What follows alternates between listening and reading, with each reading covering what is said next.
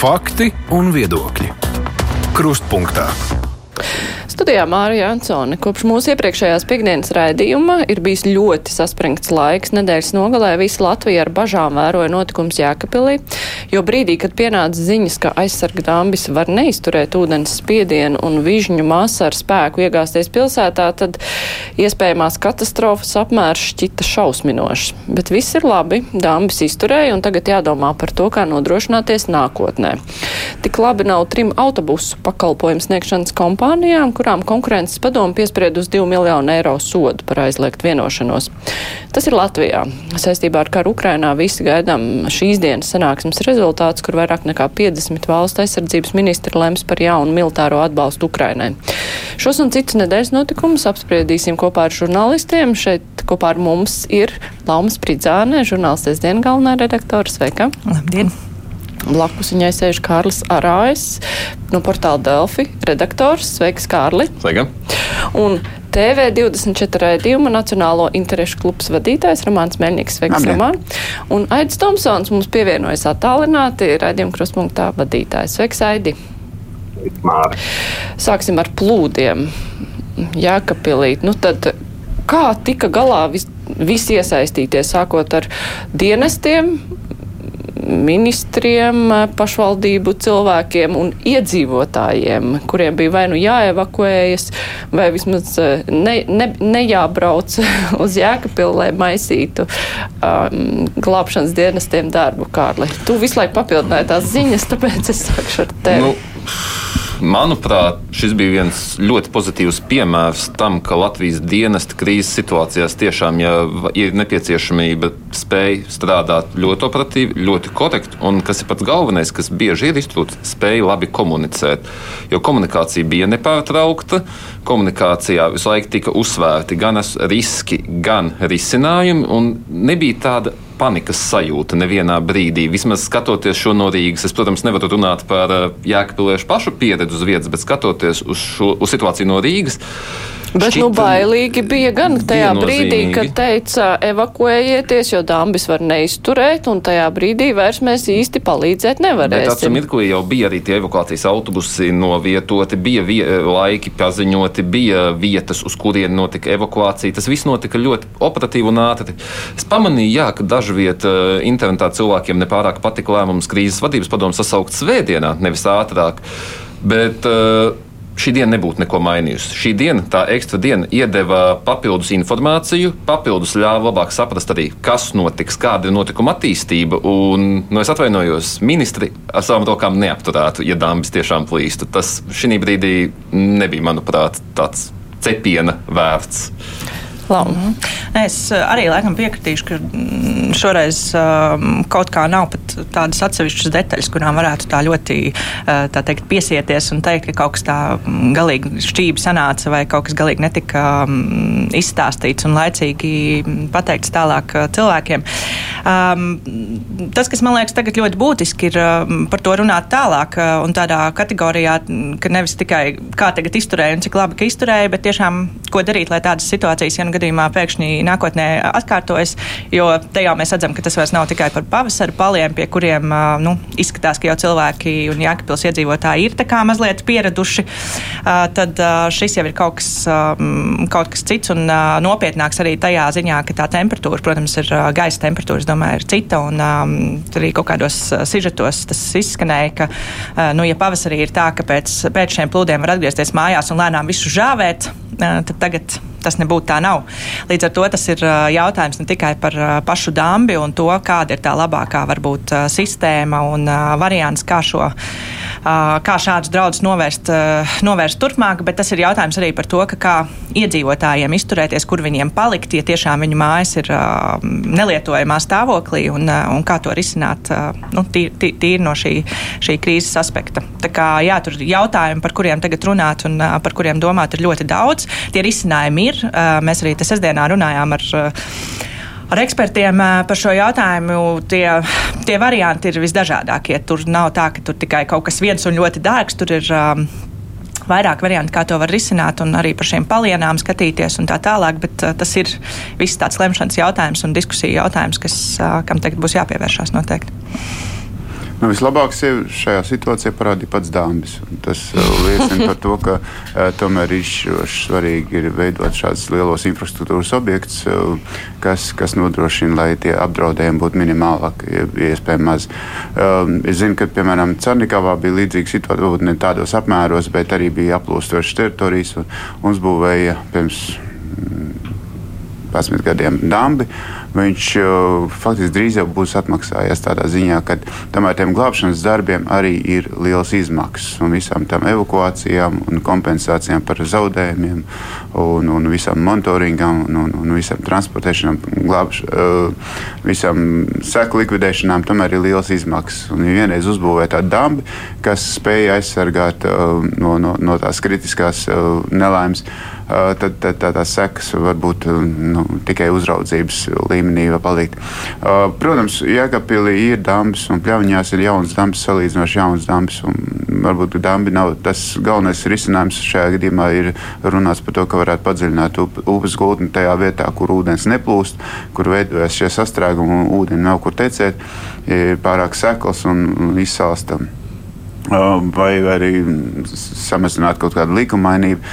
Svarīgi, lai, lai šī um, situācija raisītu tālākos soļus, lai, lai politiķi, amatpersonas, speciālisti, eksperti dotu risinājumus, lai politiķi spētu tos pieņemt un ielaistu kaut kādā nu, izpildes realizācijas mehānismā, piesaistot Eiropas naudu un, un kaut kādā pārskatāmā periodā mēs varētu nonākt līdz situācijai, kad, kad šī problēma vairs nav problēma. Jo, jo skaidrs, ka klimata pārmaiņu rezultātā šādas situācijas var atkārtoties, atkārtoties un atkārtoties, mums laiku dzīvot uz pulveru mutes, tomēr vajag novērst šo risku.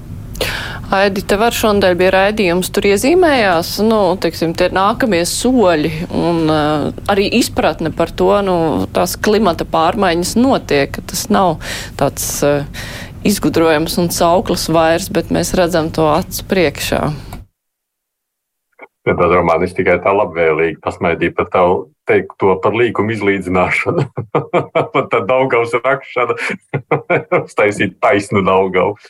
Labi, tas tā jokam, protams. Nē, es saprotu, ka tie risinājumi tur varētu dažādi, bet atšķirībā no romāna es esmu uh, mazliet krietni, nu, jā, pēc, šī dien, pēc šīs nedēļas raidījuma krietni skeptiskāks par, par šī dambja nozīmi vai jēgu. Ne, jēgu nozīmi tas šoreiz pierādīt, tas ir skaidrs, bet nu, būtībā jau tas, kas parādījās šajā nedēļas raidījumā, mūsu gadījumā, skaidrs, ka uh, Neviens jau īsti nesaprot, vai tas dāmas vispār ir dzīvotspējīgs nākotnē, un cik ilgi viņš ir dzīvotspējīgs pie pašreizējām tendencēm, kādas mēs vērojam ar šo globālo sasilšanu. Līdz ar to es sacītu tā, tas jau, ko vakar parādījās ziņās, izpildirektors saka, būtībā ir jātais dambis jauns. Šis nav dambis. Ja, tas mums laikam tomēr ir jāmēģina tagad labot šo iegājušo nu, terminoloģiju. Tas ir valnis Tas ir uzbērts valnis. Un uzbērts valnis nav dambis. Un ņemot vērā, kā, nu, kā, kā mēs te secinājām, tā tad uh, ļoti bieži, diemžēl, pēdējos gados sniegs uzsniegt pirms zeme sasalst. Ja, tā tad zeme nesasalst, zeme paliek mīksta. Tajā brīdī, kad nāk visi šie vīžņi, ar, ar, īpaši, ja tas notiek jau ziemas vidū, nu, laužoties iekšā nesasalšā zemē, un tā, tas ir tikai valnis, izrādās. Līdz ar to, nu, jā, Es domāju, ka tā ir tāda izšķiršanās lieta nākotnē. Vai nu jēkapilieši rēķinās, ka tajā pilsētas centrā nu, jāceļ vai nu cita veida būvs, koku mājas, tur ir pietiekoši daudz, ja jūs esat ievērojuši bildēs. Nu, tā tomēr ir vecā būta, tas ir pilsētas centrs. Uh, nu, vai arī viņiem jārēķinās vienkārši, ka viņi regulāri būs zem ūdens, vai arī jādomā par to, vai, vai mēs spējam ieguldīt jaunas, jaunas aizsargbūvas veidošanā. Runājot par eh, kaut kādām mācībām uz nākotni, ir eh, nu, vēl pāris lietas, kas iezīmējās, nu, kur, cilvēki aicināja. Pirmkārt, bija sašutums maisus, prasa kaut kādus maisus ārpēc. Viņi taču nav sagatavojušies vispār tādiem plūdiem. Tas bija viens. Otra lieta bija pārmetuma mēdījiem, ka tie nepietiekoši ziņo, nu, īpaši televīzijās, eh, jo Rīgā dzīvojošie labprāt varbūt ieslēgt televizoru un varētu sekot divānā katastrofai Jēkabpilī. Jā, jā tikai... tas tāds milzīgs šovs cilvēkiem, ka viņi var paskatīties, bet es zinu, ka speciālists gan bija ļoti labi informēti. Es nu, patās runāju ar ugunsdzēsības klāpšanas dienestu vadības pārstāvjiem, viņi Ar kosmi, no kosmosa mums bija attēli, mums bija dronu izmeklējumi, mēs skatījāmies, kurā vietā kādas izmaiņas notiek, kur tie apdraudējumi vislielākie. Speciālisti zina. Tas, ka cilvēki nav klāt, klātesamības efekti, cilvēkiem nav, viņi nevar skatīties šo kā šovu no, no savu dīvainu. Nu, nu, diez vai tas ir svarīgākais šobrīd, lai, lai mēs, mēs no tā visu padarītu šovu. Svarīgākais ir novērst problēmu. Jā, es piebildīšu to, ka nu, ir atsevišķas situācijas, un šī ir viena no tām, kur mēdīs ar kamerām, kas tomēr atvainojas, ir liels, tas traucētu darbam. darbam un, nu, es atvainojos, bet katra nelaime nav pelnījusi tieši raidi. Es būšu drusku kritiskāk. Es laikam piekrītu, ka mm, varēja būt vairāk, cevišķi, ja runa ir par, par, par uh, televīziju un varbūt arī ra par rādio. Ne tik daudz tas, ka tiešraide, netiešraide, vairāk laikam tas, ka, nu, ka vispār šī ziņa tiek uzsvērta un nofiksējas un, uh, un varbūt tiek palaista kaut kāda um, lenta ziņu apakšā, um, kur ir šī jaunākā informācija. Tad tajā ziņā varbūt arī ir vērts to atcerēties un, un um, vienkārši arī mēdījiem mācīties no tās situācijas. Uh, tas, ko par cilvēku gatavību gan es gribētu teikt, ka nu, nav tā, ka jēkapiliešiem tas būtu bijis kaut kas jauns un vienreizējs. Uh, šie pavasara plūdi tomēr uh, šajā pusē diemžēl ir. Ja ne katru gadu, tad ik pa laikam. Un, um, nezinu, varbūt tā ir arī tāda sajūta no Rīgas skatoties, bet uh, vismaz tajos sižetos, um, kas parādījās un komentāros, uh, tad izskatījās, ka patiesībā iedzīvotāji ir salīdzinoši um, mierīgi un ka viņi nav, viņus nav pārņēmusi ne panika, ne, ne, ne kaut kāda tāda. Um, nu, ārkārtas situācijas sajūta, ka viņi uh, vienkārši gaidīja līdz pēdējiem mirklim, tad mājas pameta. Varbūt ne visiem bija kaut kāda uh, ārkārtas situācijas mugursoma sagatavot, un varbūt ne visi bija paņēmuši guļamais līdzi tur, kur viņiem pēc tam bija iespēja nakšņot šajās uh, skolu sporta zālēs vai kā, uh, par ko varbūt arī ir vērts no pašvaldības puses padomāt, ka tomēr nodrošināt kaut kādu minimālo komplektu, lai, lai, lai tā, to nakti varētu pārlēst vismaz ar segu. Uh, bet, protams, ka tā ir arī cilvēku atbildība. Un, protams, ka ja tu dzīvo šādā vietā, kur šī palu iespējamība un šādas situācijas iespējamība ir gana augsta, tad, tad skaidrs, ka tev ir jābūt tādai somai, kas nu, visu laiku ir gatavībā un, un, un kur tu rēķinies, ka tev var gadīties tā, ka tev ir pēkšņi jābrauc prom. Par to mēdīju uzmanību jums jau pašiem brīvā mikrofonā cilvēks teica, ka pārāk liela mēdīju uzmanība, kad mēģina izspiest naudu un tam līdzīgi. Bet es domāju, ka ir arī daudz ļoti svarīgas citas tēmas, par ko vajag runāt un kuras būtu mm, pazudušas vienkārši, ja mēs visu laiku tikai koncentrētos uz vienu kaut kādu šādu gadījumu, pēc tam meklēt nākošo lielo skandalozo gadījumu vai, vai kaut kādu šovu, un, un mēs nevarētu runāt par bildu kopumā. Pazuda jau jaunzemes atjaunošana amatā pilnībā piekdienā. Jā, jā, tieši tā, un tāpēc, tāpēc nu, jāmēģina tomēr sabalansēt. Ir viens notikums, otrs nemazāk nozīmīgs, varbūt ne tik skandalos, ne tik attraktīvs, bet nemazāk nozīmīgs. Aidis, tu sāki teikt, bet kolēģi tev nedzirdēja. Tur ir daudz dažādu teikumu, varētu būt. Protams, ja runājam par online, tur jau ir webkameras, tur nav nekāda problēma. Tur nav nevienam jāstāv klāt, apstīties, kas notiek šajos laikos. Jau visur ir salikts, kā zināms, internetu pieslēgumos kameras. Bet tas uh, mediju darbs drīzāk es, es drīzāk varētu skumt nevis par to, kas notika tajā brīdī. Man šķiet tas, kā mums pietrūks tādas analītiskas konsekvences uz visu. Tas, ko sacīja trešdien Krūmiņas kundze mums studijā, šī drāma nav beigusies viņas prāt. Viņa teica, atkarībā no tā, kas ir noticis līdz šodienai. Un es, piemēram, neko nezinu šodien. Tur ir izgājuši visi tie vižņi no Daugavas pie Jēkpils vai nav. Mēs par to nerunājam. Viņa teica, ja tie nav izgājuši šodien, tad visticamāk viss atkārtosies. Un varētu būt dramatiskāk, tāpēc, ka nu, dāmas jau papostīts un ir pairs. Vai tā būs vai nebūs, mēs nezinām. Man liktos, ka mēs varētu tā nevis no nu, tā, o, tajā brīdī ir, tad mēs divas dienas tikai par to runājam, un pēc tam plukšs Nu, bet mums vajadzētu nu, tā, tā pastāvīgi vispār visām lietām tā konsekventāk skatīties līdzi. Mēs jau nezinām, ar ko šis stāsts vēl beigsies. Jā, nu, par ministru klātbūtni vēl pēdējie komentāri aicināja, kur ir Levits, kur ir Kariņš un kur ir klimata un enerģētikas ministrs. Nu, jā, ar, Tam ar ir jāpievērš uzmanība. nu, jautājums ir par to, viņam, protams, ir jābūt klāt, un, un daudzās valstīs mēs redzam, ko politiķi uzreiz ir kritiskajās situācijās klāt un, un mēģina kaut kādā veidā organizēt to, tos glābšanas darbus un tam līdzīgi, bet šī gadījumā, ja tas mehānisms jau darbojas, tad politiķi, nu, viņi teici, ka viņi varētu būt vienu dienu vēlāk, vienu dienu ātrāk. Faktiski viņi jau tikai nu, kā saka, runā lozungos vairāk, jo, jo mehānisms svarīgākais ir, lai, lai visas institūcijas sadarbotos, lai, lai būtu saikne ar sabiedrībā, pašvaldībām un lai kaut kas tiek darīts, jau operatīvā rīcība svarīgāk. Viena piezīme gan, kāpēc tomēr tas ir diezgan svarīgi, ka augstākās amatpersonas aizbrauc uz šādām vietām klātienē un varbūt tieši tajā brīdī, kad tas ir vistrakākais punkts un kad tas vēl varbūt padziļinās, lai pēc tam saprastu šīs situācijas nopietnību. Jo es pieļauju, ka nu, tādam Kučinskungam, kas tur bija klāt, šobrīd ir daudz vieglāk par to runāt un pierādīt kaut kādu nepieciešamību pēc kaut kādām lietām nekā tam pašam Čudarkungam, kurš tur nebija. Tā kā, jā, Jautājums, kuram no viņiem ir lielākā atbildība un, un, un, un, protams, jā, kā tās diskusijas tālāk izvērtīsies un kurš tur no kura, kuram futbolēs kaut kādas izmaksas un, un pārējo.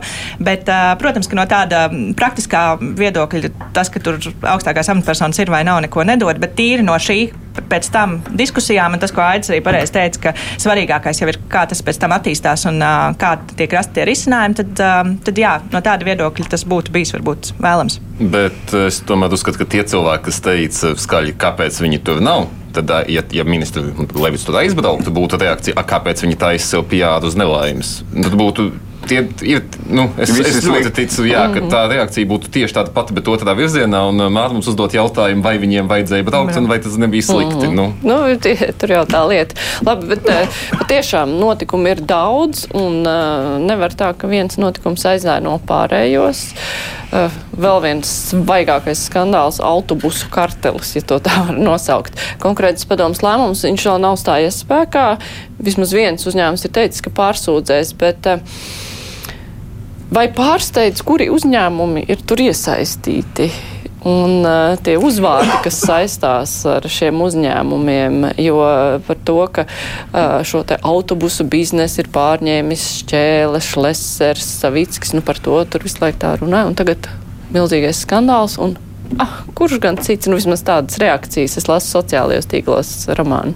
Nē, nu vienkārši jau ir asociēti konkrētiem personāžiem, un, un tad ne, neiet dziļumā. Bet eh, šī gadījumā jāskatās tiešām no juridiskā puses. Es saprotu, ja tiks apstrīdēts tiesā, tad paskatīsimies, jo, teiksim, tā būvnieka kartelī jau arī tas bija nebeidzamais stāsts, un, un pēc būtības jau nekas nav atrisinājies man gribas citu aspektu mazliet. Man liekas, ka tas, nu, ja to var nosaukt tā, interesantākais šajā gadījumā ir šī liepājas pašvaldības klātbūtne tieši šajā liepājas uzņēmumā, kas vismaz no tiem sākotnējiem komentāriem arī no pašvaldības pārstāvju puses izstāsta, ka, nu, ka, šis, šis ir tas pierādījums, kur mēs redzam, ka nu, viņi it kā skaitās tajā bet nav, vadībā, bet, bet patiesībā neko nesaprot, mm. neko nezina, kas tur notiek. Un, patiesībā mēs jau jau nemaz nepiedalāmies. Un tad ir jautājums, ja jūs nepiedalāties, tad kāpēc jūs tur vispār esat? Un, un vai tas ir pareizi, ka, ka pašvaldība šādā uzņēmumā, ka viņai vispār ir kaut kādas akcijas un daļas? Un, un savukārt, ja jūs piedalāties, tad nu, cik liela ir tā jūsu atbildība un vai šādu, šādu situāciju varēja novērst? Tas, man liekas, ir šobrīd arī tāds pilnīgi atsevišķs jautājums, kas varbūt ir nu, vēl jāvērtē ārpus un īpaši neskatoties uz to, kā beigās satrisinās ar visām tiesvedībām un, un, un konkurences padomu šo, šo lēmumu? Nu, man laikam visvairāk pārsteidza divas lietas. Jā, un tagad es saku, jā, tiesā tas viss paliks spēkā. Tātad, pirmkārt, tā ir tā nekaunība, ar kādu tas tika dalīts un tiešām cik klāji un atklāti tas, ja mēs ticam konkurences padomu sniegtiem, sniegtiem informācijai, tas tika darīts. Uh, un otrs, ka it kā pieredzējuši tirgus spēlētāji ir bijuši tik neuzmanīgi un ka viņus pieķēra. Tas, ka viņi iespējams tur bijuši klāt, man nepārsteidz. Man pārsteidz tas, ka viņi patiesībā ir beidzot pieķerti iespējams aiz rokas. Nu, jā, jo, jo pārvadātāja asociācijas pārstāvs teica, nu, ka jau sen runā par to, ka tur tiek tas tirgus tā dalīts. Un, nu, jā, nu, varbūt. Ja, nu, jācer, ka tas nozīmē to, ka, ka mūsu tiesības sargājušās uh, instances vienkārši kvalitatīvāk sākušas vai, vai ir parādījušies kaut kādi resursi, kāpēc šādas situācijas var atklāt. Nu, kas, protams, tāpēc, kā izgāja pozitīvi. tas, kurš nedabūja jeb, loti. Nu, tad, tad ir ļoti skaidrs, ka mūsu tiesības sargājušās sistēma joprojām balstās uz to, ka kāds. No, Vai arī ir tas, jā. ko tu teici, nekaunības līmenis ir vienkārši pieaudzis varbūt. Aidi, kā tev šķiet, vai šis atrisināsies kaut kādā pārskatāmā nākotnē? Proti, nu tiesa būs, ilgi ies, droši vien kaut kāda pārtiesāšana, ies gadi uz priekšu, vecos līgumus autotransporta direkcija, protams, laust nevar, it īpaši, ka vēl spriedums nav stājies spēkā. Nu, viņi var domāt, tā, ka būs jaunas izsoles, ja viņi tur piedalās tad uh, es pat nezinu, vai viņi šobrīd uz kaut ko pretendē, ka, nu, ka tad viņus tur var neņemt. Bet uh, vai šis atrisināsies ātrāk par jebko citu, kas valstī ir tā aizsākts?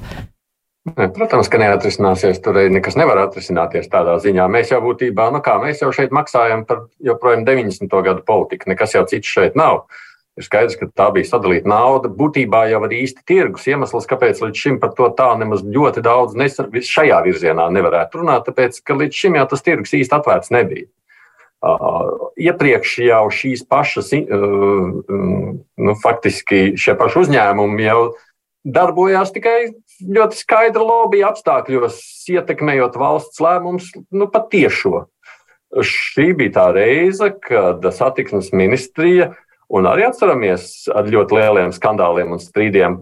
Mēģināja uztaisīt atvērto, atvērto loti tirgošanos, vai ne? Un atceramies, ko prese rakstīja pati pirms pāris gadiem, tad, kad tas viss gāja vaļā. Un, protams, ka šie uzņēmēji ir ar pieredzi, kādā veidā vajag savus intereses vīdīt cauri. Un, nu, tās vienošanās jau nav nekas jauns, kā mēs zinām. Tās tiešām nāk no, no, no, no, tās pašas puses, kurās ne jau tikai šajā, šajā jomā vien mēs to esam pieredzējuši. Līdz ar to Nu, jā, es baidos, ka tas ir ilg, ilgstošs process. Tā labā ziņa, ka vispār konkurences padome kaut ko tādu spējas pamanīt un atrast, tā man šķiet ir laba ziņa. Kā tas ir nācis, nu, to ja tikai viņi paši zina. Tā arī nav jābūt publiskai informācijai. Bet, bet jā, man, es domāju, ka mums tā ēna no privatizācijas laikiem vēl vilksies pāri. Nu jā, labi. Es atgādināšu klausītājiem, ka mūsu studijā šodien ir Romāns Meļņiks, TV24 raidījuma Nacionālā interešu klubs vadītājs Laums Pridzāne, žurnālists diengalvenē redaktore Kārlis Arājas no portāla Delfa un Aidis Tomsons no raidījuma Kruspunktā. Mēs tulīt turpināsim. Raidījums Krustpunktā. Jā, gribēju ar Ukrainu arī turpināt šīs dienas sanāksme. Nu, tas, par ko visi pēdējā laikā runā, ir tanku piegāda Ukrainai un Vācijas lēmums.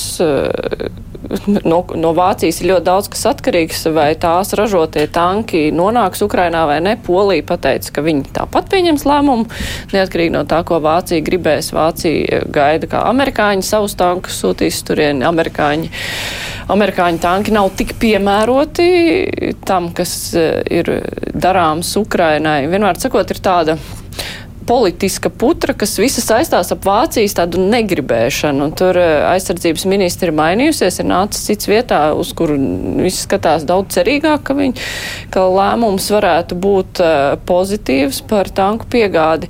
Vai šodien, Aidi, jautājums arī tev uzreiz kaut kas atrisināsies šajā te, kā tu domā? Tu droši vien esi vairāk iedziļinājies.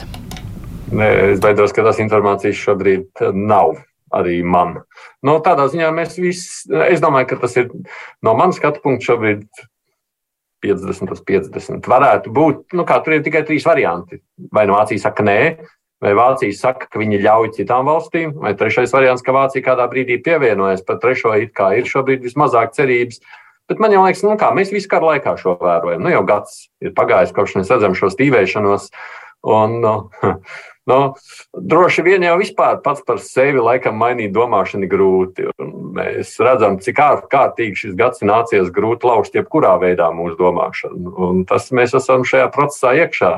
Acīm redzot, Vācijai tas ir vēl krietni smagāk nekā citiem, bet tā nav tikai Vācija.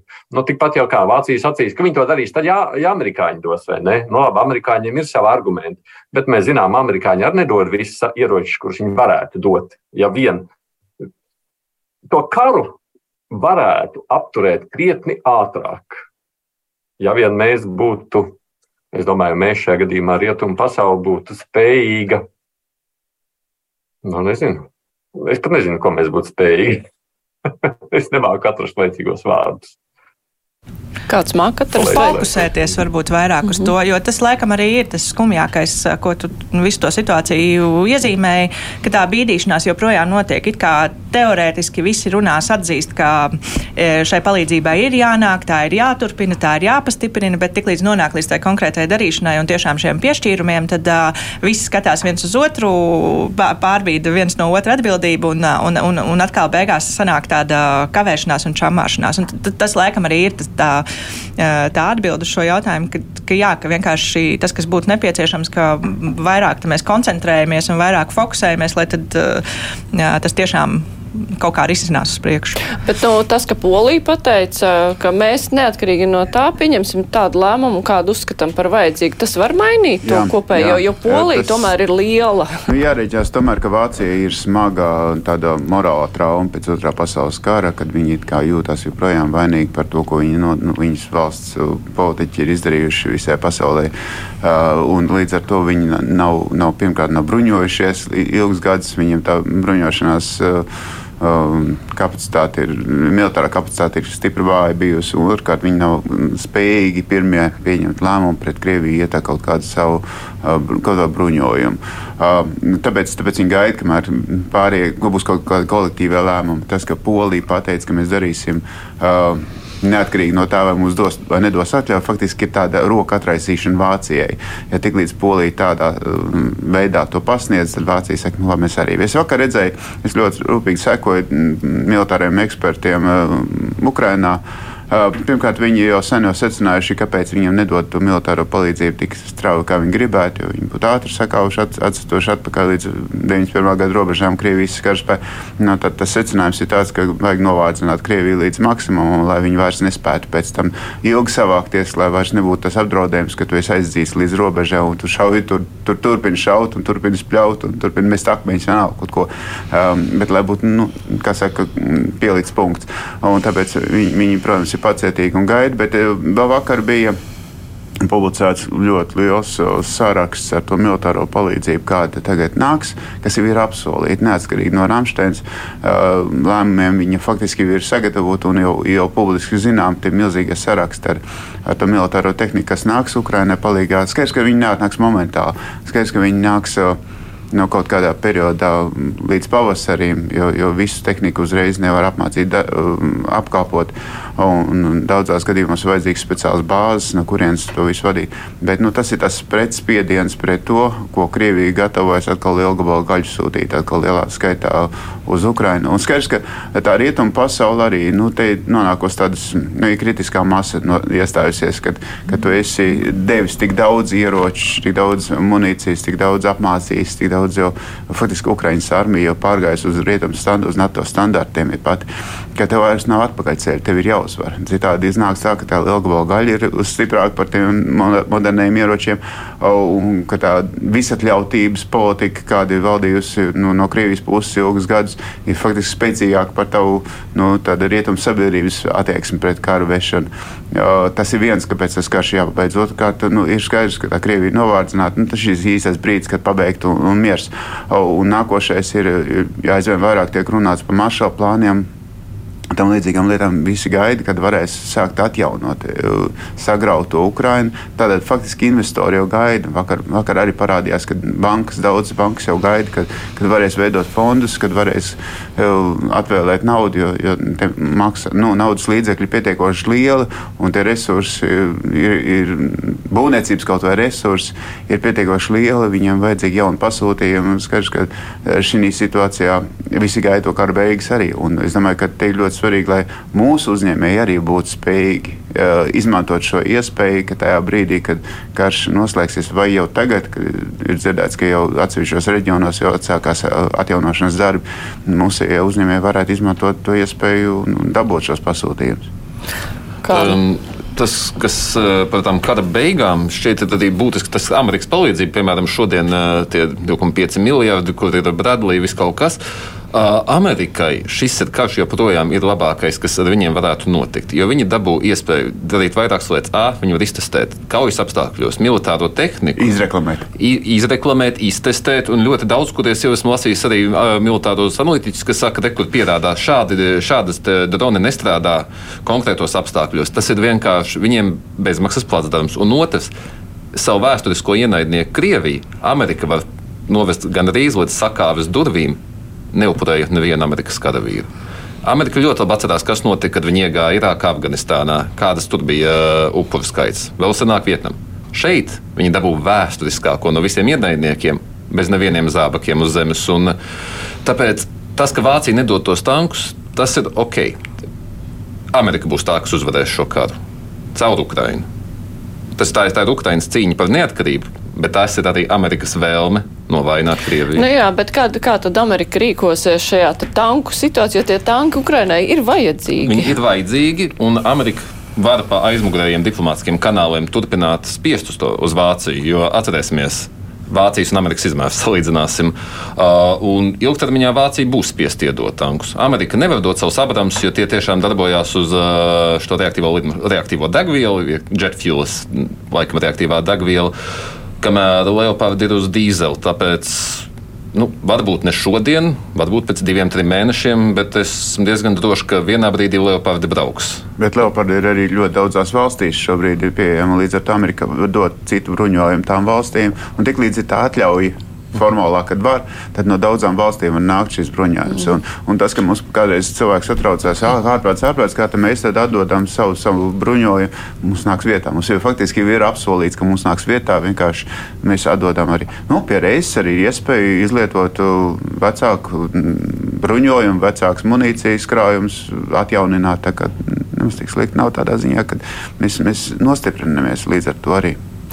Tajā visā kontekstā vakar eh, parādījās eh, tie kadri, kur eh, Krievija uzliek to pretraķešu iekārtu. Sāk baidīties. Jā, bet eh, viņi nopietni baidās, vai tas ir kaut kāds, eh, nu, es nezinu, signāls iedzīvotājiem. Viņi mūs apdraud pirms tās mobilizācijas Es domāju, ka te gaidāmās. ir abas situācijas. Jo no vienas puses, uh, Krievi ļoti labi konstatējuši, cik neap, nepasargāta viņa gaisa telpa ir. Tā pašā Engelsā, kur vairākas reizes ir bijušas sprādzieni daudzās citās pilsētās, viņi saprot, ka ir uh, Ukrāņu droni, kas var aizlidot.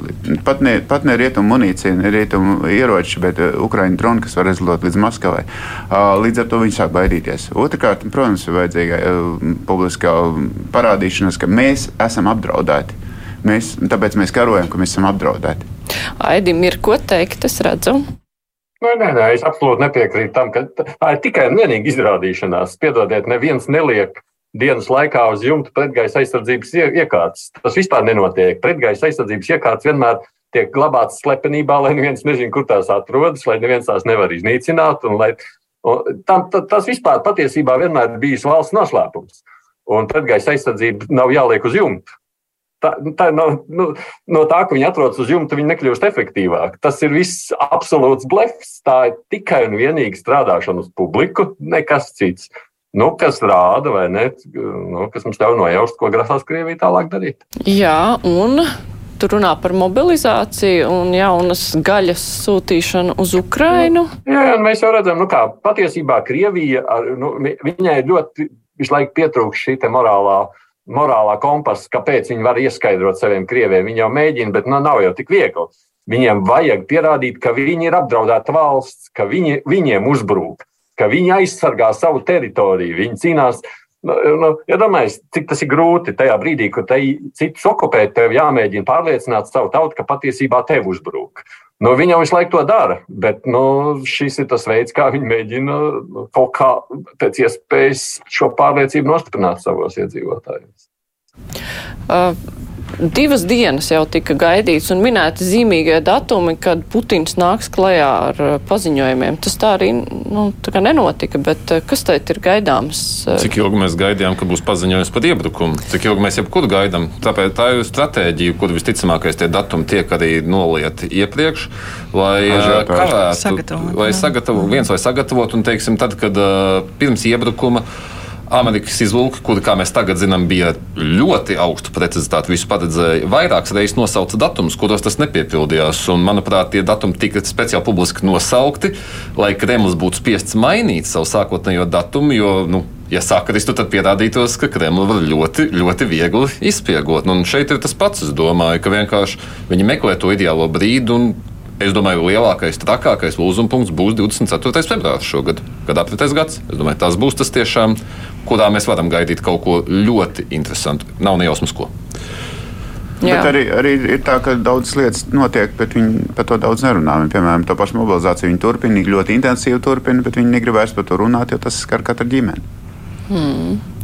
Uh, Ukrainā š, arī šis nedēļas griezumā bija ļoti traģiski notikumi, kas sākās ar uh, daudz dzīvokļu mājas saspridzināšanu Dnipro, kur ļoti daudz cilvēku aizgāja bojā. Uh, nu, jā, viena lieta ir, uh, vai tas kaut kā var ietekmēt, uh, nezinu, lēmumus, jo tāpēc, ka, nu, kārtējais uh, traģiskais notikums bieži vien emocionāli varbūt kaut ko ietekmē, bet, nu, Cita lieta, ka politiķi kaut ko lemj par tiem pašiem ieročiem, bet uh, tomēr abstrahējoties no tā, um, tas, uh, ka Ale Oleksijas Arestovičs, uh, kurš paziņoja, ka tā bija Ukrainas pretgājs, ka viņš aizgāja no amata. Pirmkārt, pirmkārt vai viņš, tam viņš, viņš ir? pieļāvuma veidā to teica. Viņš- Otrakārt, jā. šo pieļāvumu Krievijas propagandas mašinērija ļoti veiksmīgi izmantoja, lai varētu nu, novērst uzmanību no tās nelaimes, kas bija Dnipro.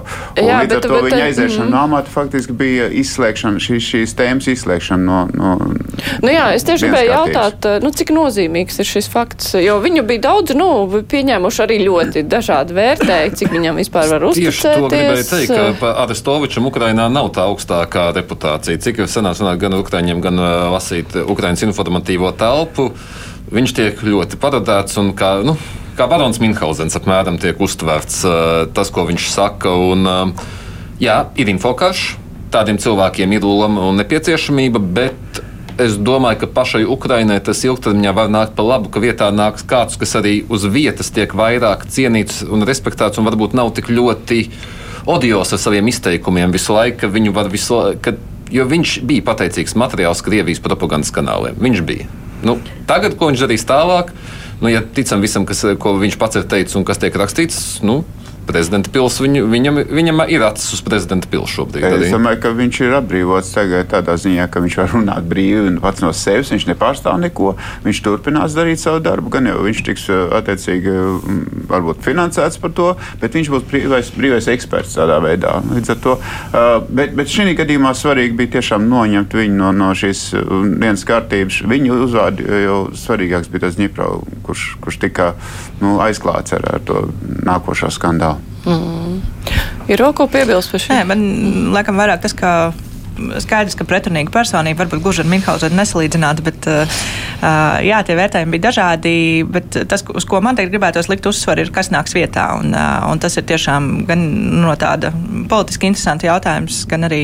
Jā, Jā, vai, tā, vai tā komunikācija un, um, un tie izteikumi būs kaut kā pavisam savādāki, uh, vai tā būs pilnīgi savādāka personība, vai, vai tomēr uh, kaut kas līdzīgs patiesībā?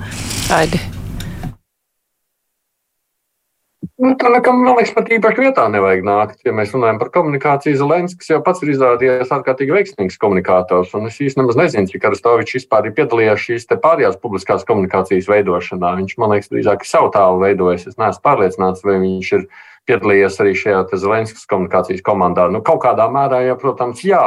Īpaši kara sākumā tam bija lielāka nozīme. Šobrīd jau tā ir krietni mazinājusies, ja runājam par to viņa visu laiku uzturētu optimismu, sakot, ka patiesībā viss būs labi. Pēc tam vienā brīdī viņam pašam atzīstot, ka viņš nemaz neticēja. Viņš tikai sākumā runāja tā, bet nemaz pats tam neticēja.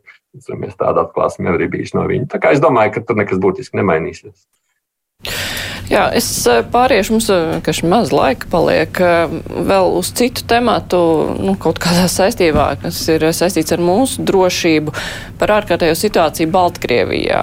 Tur ir tā pagarināta, bet šis jautājums guva tādu plašāku ievērību saistībā ar organizācijas gribu palīdzēt bēgļiem, cilvēkiem, pret kuriem ir sākts krimināla process. Robežsardze to ierosināja, tāpēc, ka viņi gribēja pārliecināties pie robežas, ka tiek pildīts Eiropas cilvēktiesību tiesas spriedums, lai vairāk sīrieši, Sīrijas pilsoņi lai viņiem tiek sniegta palīdzība, lai viņi netiek izmest no Latvijas, un nu, viņi tur nav saņēmuši paši atļaujas, grib palīdzēt bēgļiem atrasties pierobežot, tur ir ārkārtējais stāvoklis.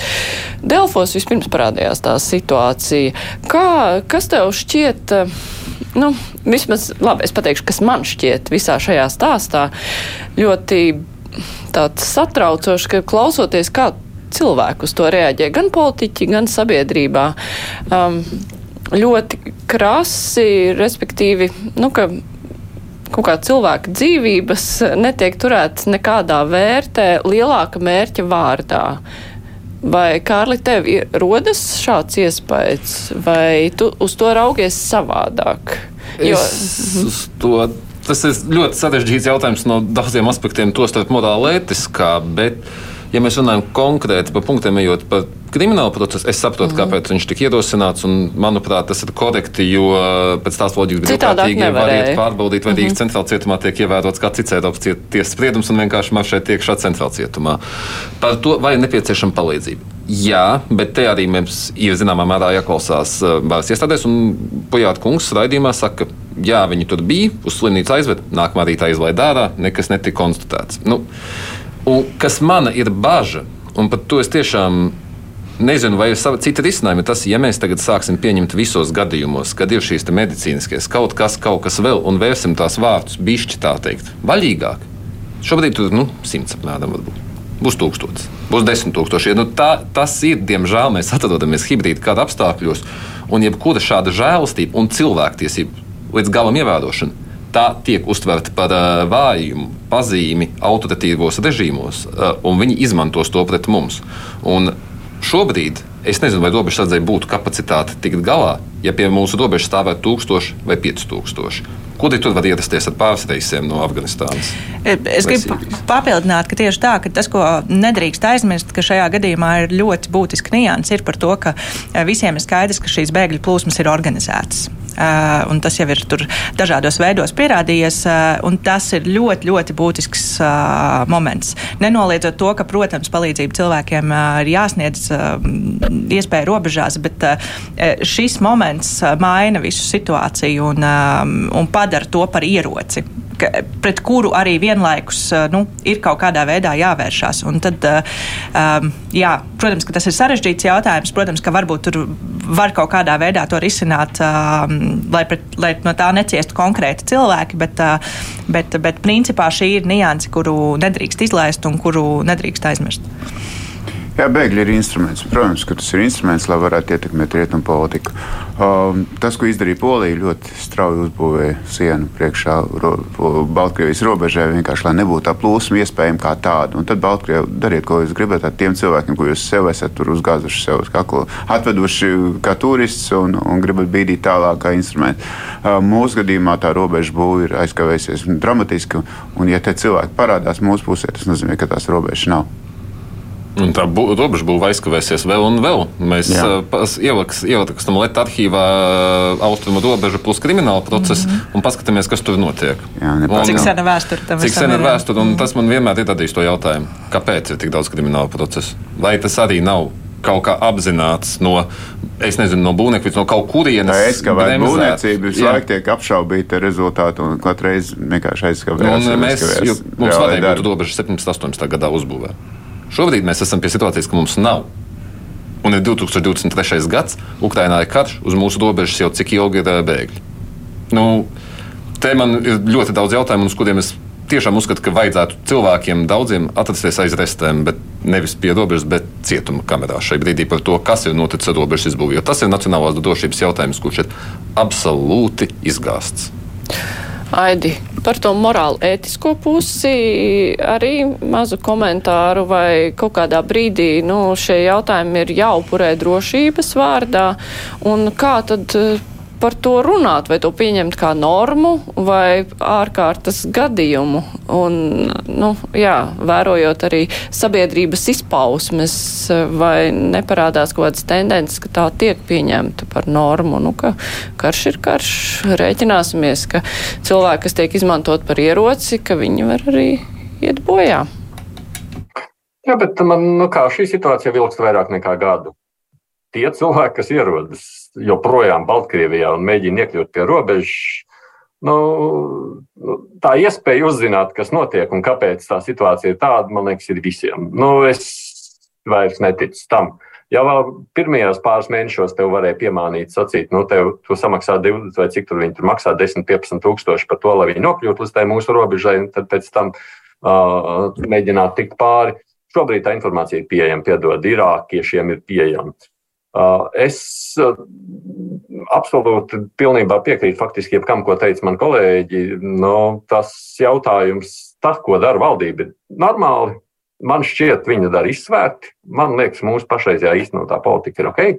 Ir tikai viens iebilde tajā visā. Lūk, par to normu, jeb ārkārtējo. Tas ir tas, ko sacīja man pirmdien uh, krīzes vadības speciālists Druskalns, sakot, ka nevar būt ārkārtas situācija tik ļoti ilgi, nu jau otrais gads.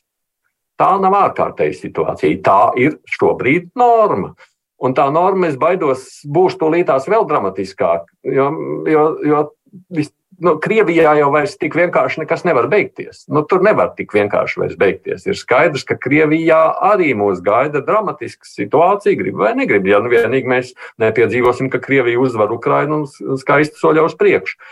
Kas nozīmē, ka mums vienkārši šo pašreizējo ārkārtējo situāciju ir jāpadara par normu. Tai ir jābūt Latvijas normai, ka šādā veidā mēs rīkojamies ar tiem, kas mēģina robežu pārkāpt nelegāli. Viss punkts. Runājot par uh, cilvēkiem, kas varētu nākt arī no Krievijas. Labi, tie ir citi cilvēki, kas nāk no Krievijas. Vēl pēdējais temats mums uh, pavisam īsi žurnālisti Krievijas, kas ir uh, atkal Latvijā. Mēs pēc dožģa visu ļoti tā ar piesardzību skatās uz žurnālistiem no Krievijas. Tagad tā ir Radio Brīvā Eiropa, kas ir uh, atvērusi, pagājušajā nedēļā atvēra uh, biroju Latvijā. Um, tas ir labi, ka šāds birojs ir šeit. Es vispirms gribētu uzsvērt, ka tā ir cita situācija un cita attieksme jau pašā pamatā. Vismaz no tām kaut kādām pirmajām intervijām, pirmajiem komentāriem to uzreiz var ļoti izteikti just, um, ka viņi nāk ar tādu Uh, jā, nu, man to grūti noformulēt vienā teikumā, bet nu, tā ir tāda pilnīgi cita attieksme. Un, uh, tas pats pamatojums, kāpēc viņš šeit nāk un kā, kā viņš šeit domā strādāt, ir um, savādāks nekā bija Dožas gadījumā. Tā kā, um, jā, es domāju, un es arī domāju, ka arī no šīs situācijas ar Dožu um, arī ne tikai Latvijas puse ir mācījusies, bet arī uh, žurnālisti, kas šeit ienāk, ir mācījušies un, uh, un, un, un kaut ko sapratuši. Es tā ceru. Uh, līdz ar to es domāju, ka nu, vajadzētu būt, ka, ka, ka šādas um, problēmas situācijas, tā to varētu nosaukt, vairs neradīsies. Un es ceru, ka tur um, nekāda problēma nebūs. Jā. Nu, jā, būs jā, jā, jāpiekrīt, jo nu, arī atcerēsimies, ka Rādio Brīvā Eiropa ir citi finansējuma avoti. Tie finansējuma avoti atrodas Eiropā. Un, uh, bet, kas ir viena lieta, par ko vienmēr jāuzmanās, ir arī jebkuru mēdīti, kas nāk no Krievijas. Uh, man nav ticības, ka tajā mēdījā nav vismaz viens grupas vai FSB aģents. Es, es ticu, drošības iestādes to var izķert un uh, nu, strādā pie tā, bet Es neticu, ka mēdīs var operēt tādā valstī kā Krievija, un viņā nav iefiltrēts neviens FSB vai grūti aģents. Nu, es personīgi neticu. Jā, tieši drošības iestādes arī bija pirmās, kas satraucās par medijiem. Pagājušā vasarā šķiet, ka vēl parādījās jau ziņas mm -hmm. par to, ka ļoti daudz blogeri, piemēram, izbraukuši. Nu, cik viņi ir pret putiniski, bet pro-krieviski nu, grūti novērtēt uzreiz. Publiski būtu grūtāk, bet nu, dienas strādā pie tā. Uh, jā, piekrītu, brīvā Eiropa ir pilnīgi cits skatījums ļaudis, un viņi, viņi skatās no mūsu puses, no rietumu puses, no rietumu pasaules puses uz Krieviju. Viņi nav ar imperisko domāšanu par to, ka mēs lielā tauta tagad iemācīsim visai pasaulē mūs cienīt vai, vai, vai mīlēt. Mēs jūs sitam, lai jūs mūs mīlētu. Bet nu, arī saistībā ar Dožģu jau parādījās kritika par, nu, par to sākotnējo uzstādījumu, ka Latvija tagad kļūs par tādu platformu tieši brīvi domājošajiem Krievijas mēdījiem. Pēc tam izrādījās, ka Dožģis nav tik labs, kā mēs bijām iecerējuši. Nu, viņi tagad strādās no citas valsts, bet ar to, ka mēs atveram šeit Svabodas šo te filiāli, nu, tad sanāk, ka mēs tomēr turpinam šo politiku, būt par to platformu, un tas ir labi, Aidi, kā tu tev šķiet? bet tas nav Krievijas medijs. Tas Runa par Krievijas žurnālistiem, žurnālisti no Krievijas, kuri, kā, nu, kā jau Kārlis teica, ka tur var būt visādi, jo te vairāk, nu, nevis medijas, bet žurnālisti par tiem runājot. Jā, jo, bet, bet, bet, bet tā ir ļoti, ļoti būtiska atšķirība.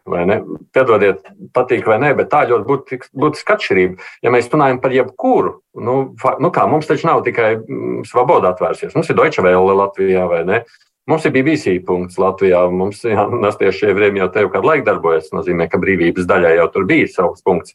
Nu, un, ko, un, ko, un ko mēs no tā secinām tajā brīdī, ja viņi strādā priekš Krievijas publikas, kā tam līdzīgs? Tas nav Krievijas medijas. Redziet, Dožs jau bija tā vislielā ķibele, ka viņi būdami Krievijas medijas, strādājot arī priekš Krievijas auditorijas, patiešām nu, nu, nu, ienāca Latvijā ņemot Latvijas mediju licenci.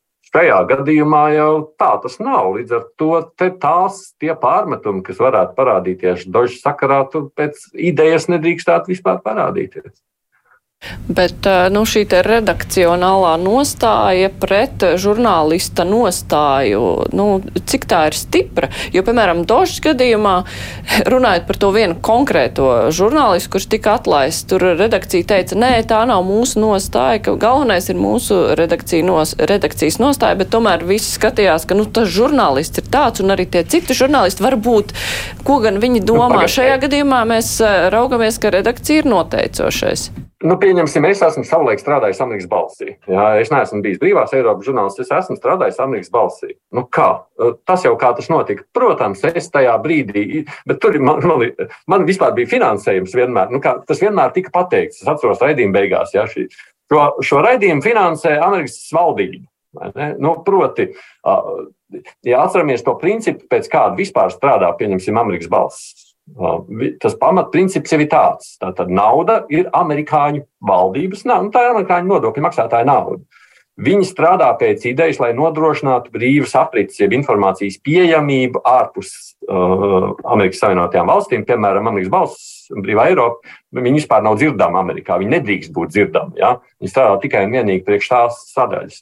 Un tad savukārt tajā sadaļā, kurā viņi darbojās, jā, viņi darbojās pēc brīvas, neatkarīgas žurnālistikas principiem, bet arī tur, es piemēram atceros Amerikas balsī, ja tev ir kāda informācija, pat ja viņa bija no diezgan droši uzticama avota, manā gadījumā, jā, ka man liekas ārprāts, nu viņa ir tāda, ja tur nav otrs, kas var pārliecināt, jeb apliecināt, ka tā informācija ir pareiza, es viņu gaisā dabūt nevarēju. Viņi nebija iespējams. Ja? Viņiem ir pamatprincips jābūt vismaz diviem informācijas apliecinātājiem, ka tā informācija ir patiesa. No, proti, tur ir citi principi, Krievijas mediji, piedodiet, viņi nāk no Padomju Savienības, tā kā viņi nāk no tās, viņi ir izauguši. Viņi, protams, ir mēģinājuši pielāgoties, bet viņi jau arī strādājuši, atceramies, vienās valstī, kurā visu laiku viņa galvenais pretinieks ir bijis propaganda. Tur jau ir pilnīgi cits arī tas mentālais noskaņojums. Pārliecinoši, Aidi. Es domāju, ka ar to mēs arī beigsim šo sadaļu. Nu, labi, vairāk arī laika nav. Es teikšu arī paldies pārējiem kolēģiem, protams, Aidim no raidījuma kruspunktā Romanam Meļņikam, no TV24, no sestdienas uh, Laumai Spridzānei un no portāla Delfi Kārlim Arājam.